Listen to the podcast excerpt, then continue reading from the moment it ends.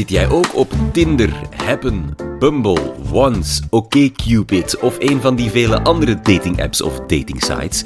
Heb je het gevoel dat je eindeloos lang door profielen kan scrollen en swipen zonder echt resultaat te boeken en wil je daar verandering in brengen? Dr. Lara Hallam onderzocht de online datingstrategieën die jou het meeste succes opleveren. Hoe vind je een goed lief op Tinder? Dit is de Universiteit van Vlaanderen. Toen ik aan mijn doctoraat um, over online dating begon, zei ons tegen mij als jij via het doctoraat aan een lief geraakt en eindelijk van straat geraakt, is dat doctoraat voor mij alleszins geslaagd. Nu, ik kan u verzekeren, toen ik twee jaar geleden het ja-woord gaf aan mijn man dat ik via Tinder heb leren kennen, was ons meer dan blij dat ik destijds aan mijn doctoraat ben gestart rond online dating. Maar ik ben zeker niet een van de enige succesverhalen van online dating. Wist je dat 7,4 procent van de Vlaamse koppels nu elkaar hebben leren kennen via online dating?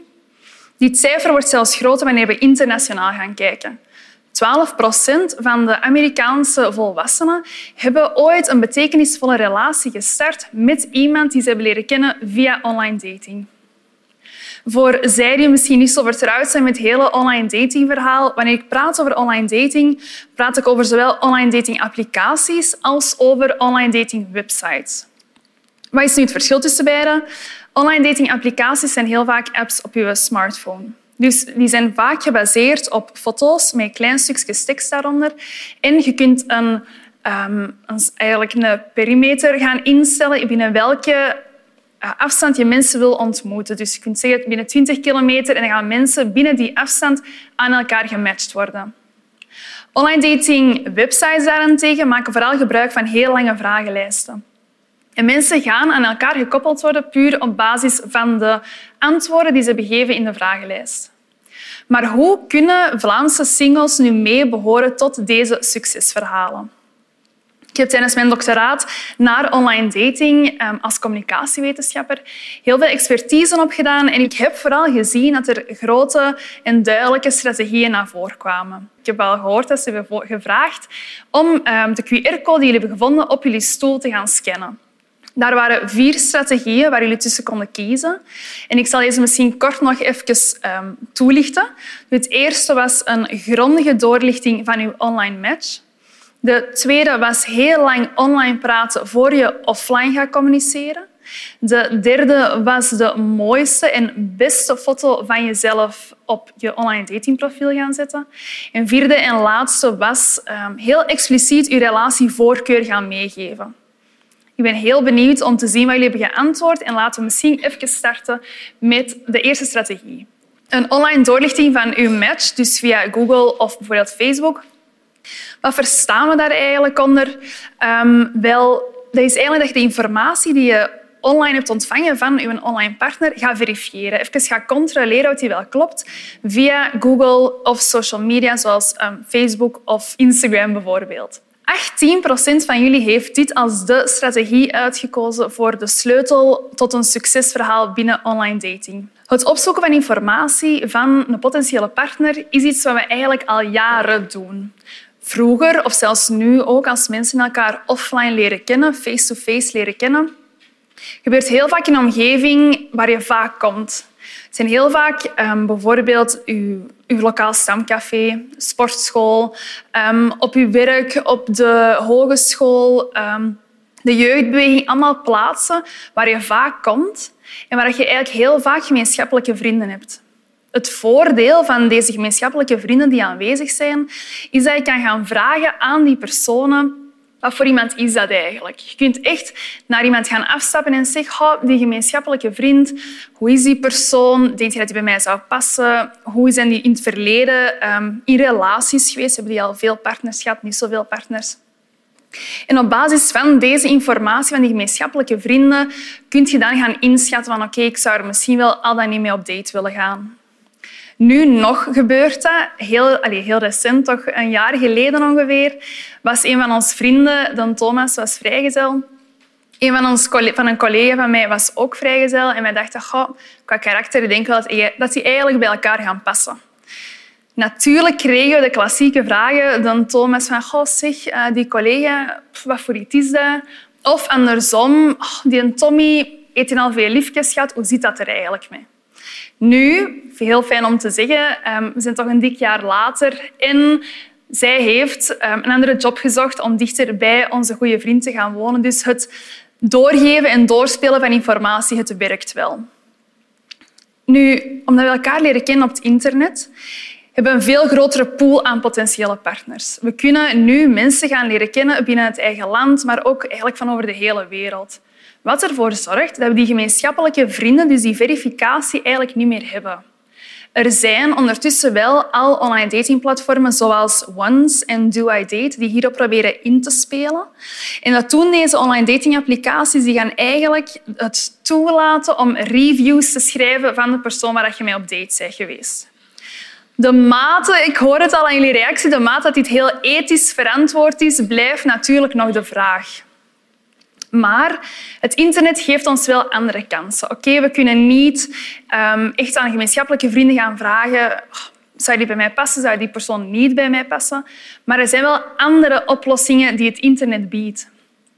Bijvoorbeeld, je kunt een Google Image Search doen.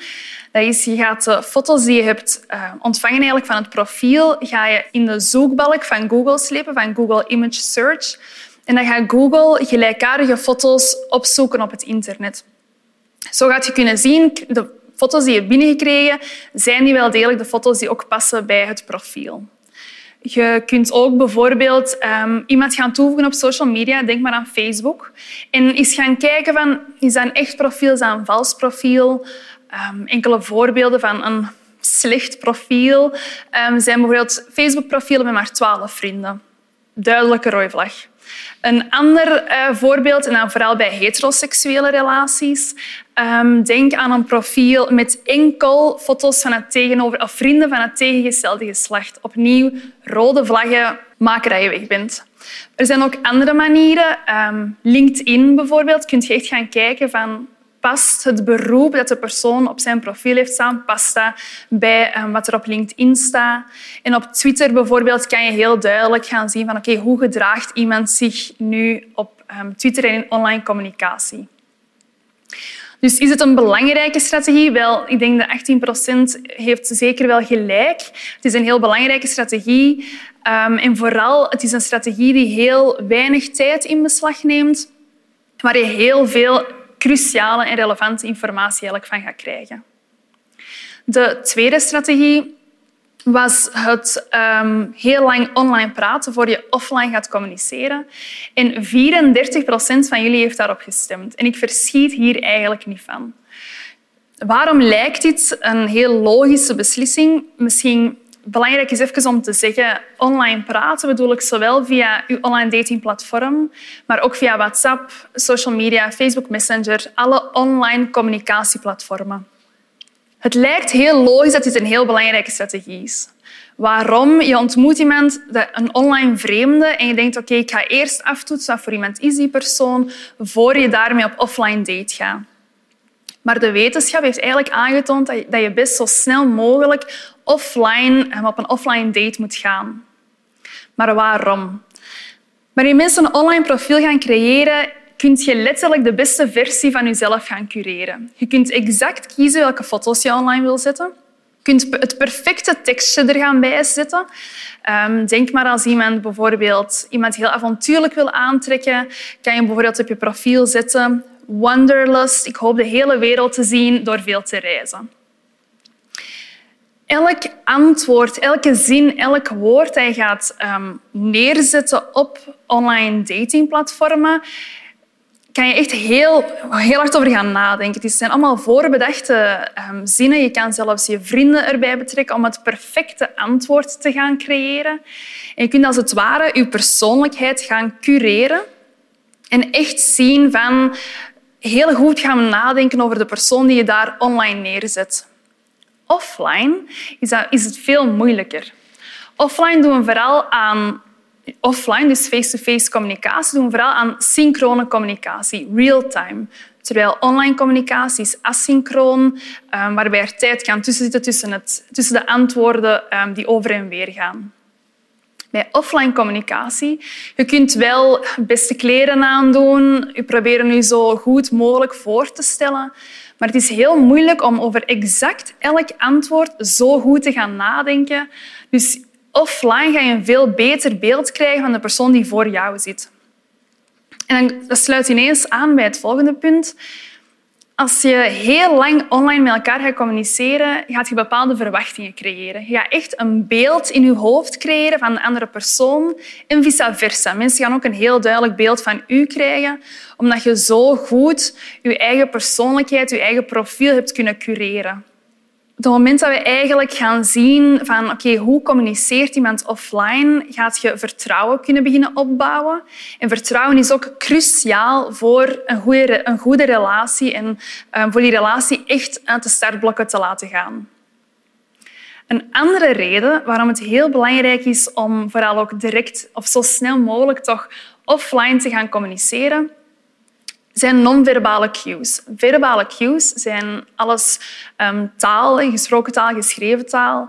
Non-verbale cues zijn aanrakingen, oogcontact, um, hoe iemand zich gedraagt en een houding geeft. Je kunt bijvoorbeeld online heel flirterige en vlotte communicatie hebben en als je elkaar dan offline tegenkomt, merk je er is, geen, er is geen oogcontact, er zijn geen aanrakingen. Het, het klikt niet zoals ik, dat ik het had gehoopt als ik zag hoe we online communiceerden. En het laatste, en denk ik ook heel belangrijk, is dat er zijn bepaalde zaken die je niet op papier kan vastleggen. Dat is, dat is gewoon zo. Ik denk, in het Engels zeggen ze vaak oh, er moet chemistry zijn, er moet een spark zijn. En er zijn heel veel shows die hierop gebaseerd zijn. Denk maar aan de reality-tv-shows zoals Blind Getrouwd, ehm, Boer zoekt vrouw. Mensen die op papier heel goed leken te kloppen, daarom ook aan elkaar gematcht zijn, maar als ze offline in een relatie gingen, ehm, bleek het toch dat het niet de perfecte match is. Dus is het belangrijk om heel lang te gaan online praten? Nee. Ik zou zeggen, als je een initiële match hebt, spreek vrij snel offline af. Maar doe het wel in een publieke setting. Dat er toch iets of wat sociale controle is um, door op café te zijn of op restaurant. De derde strategie was het kiezen van de beste, meest aantrekkelijke foto. Werd door 15 procent van jullie gezien als de sleutel tot succes. Klopt dit? Ja, maar denk, zoals alle goede dingen in het leven, is er ook um, een keerzijde aan in de mate dat je niet mee mag overdrijven. Waarom is fysieke aantrekkelijkheid belangrijk? Fysieke aantrekkelijkheid is een van de redenen waarom mensen op elkaar afstappen, bijvoorbeeld op café, in, in een offline omgeving. Ik denk dat er maar heel weinig gevallen zijn waarin mensen op elkaar afstappen op café omdat het misschien een toffe is. Het is altijd die initiële aantrekking toch dat ervoor zorgt dat mensen op elkaar gaan afstappen. Online datingplatformen zoals bijvoorbeeld Tinder zijn hier ook echt op gebaseerd. Tinder heb je um, veel foto vooral, klein stukje tekst en je moet echt swipen op basis van de, de eerste initiële aantrekking die je voelt via het scherm um, of, mensen of je met die persoon wil matchen of niet. Nu, daarjuist zei ik al van er is ook een keerzijde aan. Onderzoek heeft aangetoond dat wanneer foto's te goed zijn, dus te aantrekkelijk, de persoon op de foto's, gaan mensen eigenlijk denken dat het een vals profiel is. In online datingtermen praten we vaak over een catfish, dus dat de persoon um, achter het scherm niet is wie hij of zij zegt te zijn. Als foto's zodanig knap zijn, gaan mensen denken, oké, het is pure Photoshop, het is geen echt profiel, ik swipe gewoon direct opzij um, en deze persoon zal waarschijnlijk toch niet zijn wie ik denk dat hij of zij is. Daarom, ik stel altijd voor, probeer wel foto's eruit te kiezen waar je goed op staat, maar vooral ook um, foto's te kiezen dat je authentieke zelf weerspiegelen. Als je denk nu even voor de vrouwen. Als je een vrouw bent dat amper schmink draagt, ik zou zeker niet full-on maquillagefoto's op je profiel zetten. Voor de mannen die bijvoorbeeld minder um, sporten, ik zou zeker niet een profiel maken met allemaal foto's waarin je bent aan bergbeklimmen of in de fitness staat. Probeer echt authentieke foto's weer te, uh, te nemen waarop je echt je ware identiteit toont en vermijd filters en um, zulke andere zaken dat mensen zouden kunnen denken het is Photoshop. De laatste strategie, expliciet uw relatievoorkeur meegeven. Deze werd door 33 procent van jullie meegedeeld. En persoonlijk denk ik ook dat het een heel belangrijke strategie is. Wanneer mensen op online datingplatformen zitten, zullen er verschillende redenen zijn waarom ze hierop zitten. Er zijn mensen die aan online dating doen omdat ze op zoek zijn voor een korte termijn relatie, een lange termijn relatie, one-night stands, um, koppels op zoek naar een derde persoon om mee in bed te duiken. Um, maar er zijn ook mensen die puur uit verveling op online dating sites of applicaties zitten. Of uit voyeurisme, puur om te gaan kijken van oké, okay, um, op eigenlijk andere profielen te gaan scannen en door andere mensen hun leven te gaan. Als je zelf op zoek bent naar een, voor een, naar een lange termijnrelatie, ga zeker niet profielen liken waarin heel duidelijk vermeld staat dat ze op zoek zijn naar een one-night stand. En vice versa. Eerlijkheid duurt altijd het langste en ik denk het is niet meer dan fair tegenover de persoon die over u zit dat je op dezelfde lijn zit van het type relatie dat je wilt hebben. Conclusie. Zijn deze vier strategieën of welke strategie is nu het beste?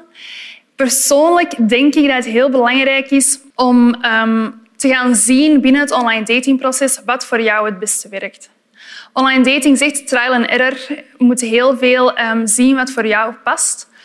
Maar vooral gaan kijken, of ik geef altijd toch als tip mee, probeer online dating en offline dating complementair te zien. Online dating is niet um, het grote of um, ja, het enige of de belangrijkste strategie. Ga zowel online daten als offline daten. Beide vormen van daten hebben namelijk hun eigen voordelen. Ja, bij online dating heb je een veel grotere pool aan potentiële partners, omdat je veel groter kan gaan zoeken. Maar offline dating geeft bijvoorbeeld dan weer de opportuniteit dat je kan gaan inschatten hoe iemand is wanneer je face-to-face -face contact hebt. Dus hoe vind je een goed lief op Tinder? Maak een profiel met de meest authentieke foto's waarop je wel je beste beentje voor zet, maar um, zeker geen filters gaan pakken of Photoshop gebruiken. Wees eerlijk op je profiel voor het type relatie dat je graag zou hebben. Als je een match hebt, probeer zo snel mogelijk um, met elkaar te gaan afspreken. En doe het vooral ook veilig. Um, doe het vooral veilig, het afspreken bedoel ik. Um, in een publieke setting, liefst nadat je snel een online check hebt gedaan van wie de persoon eigenlijk is. Ik dank jullie.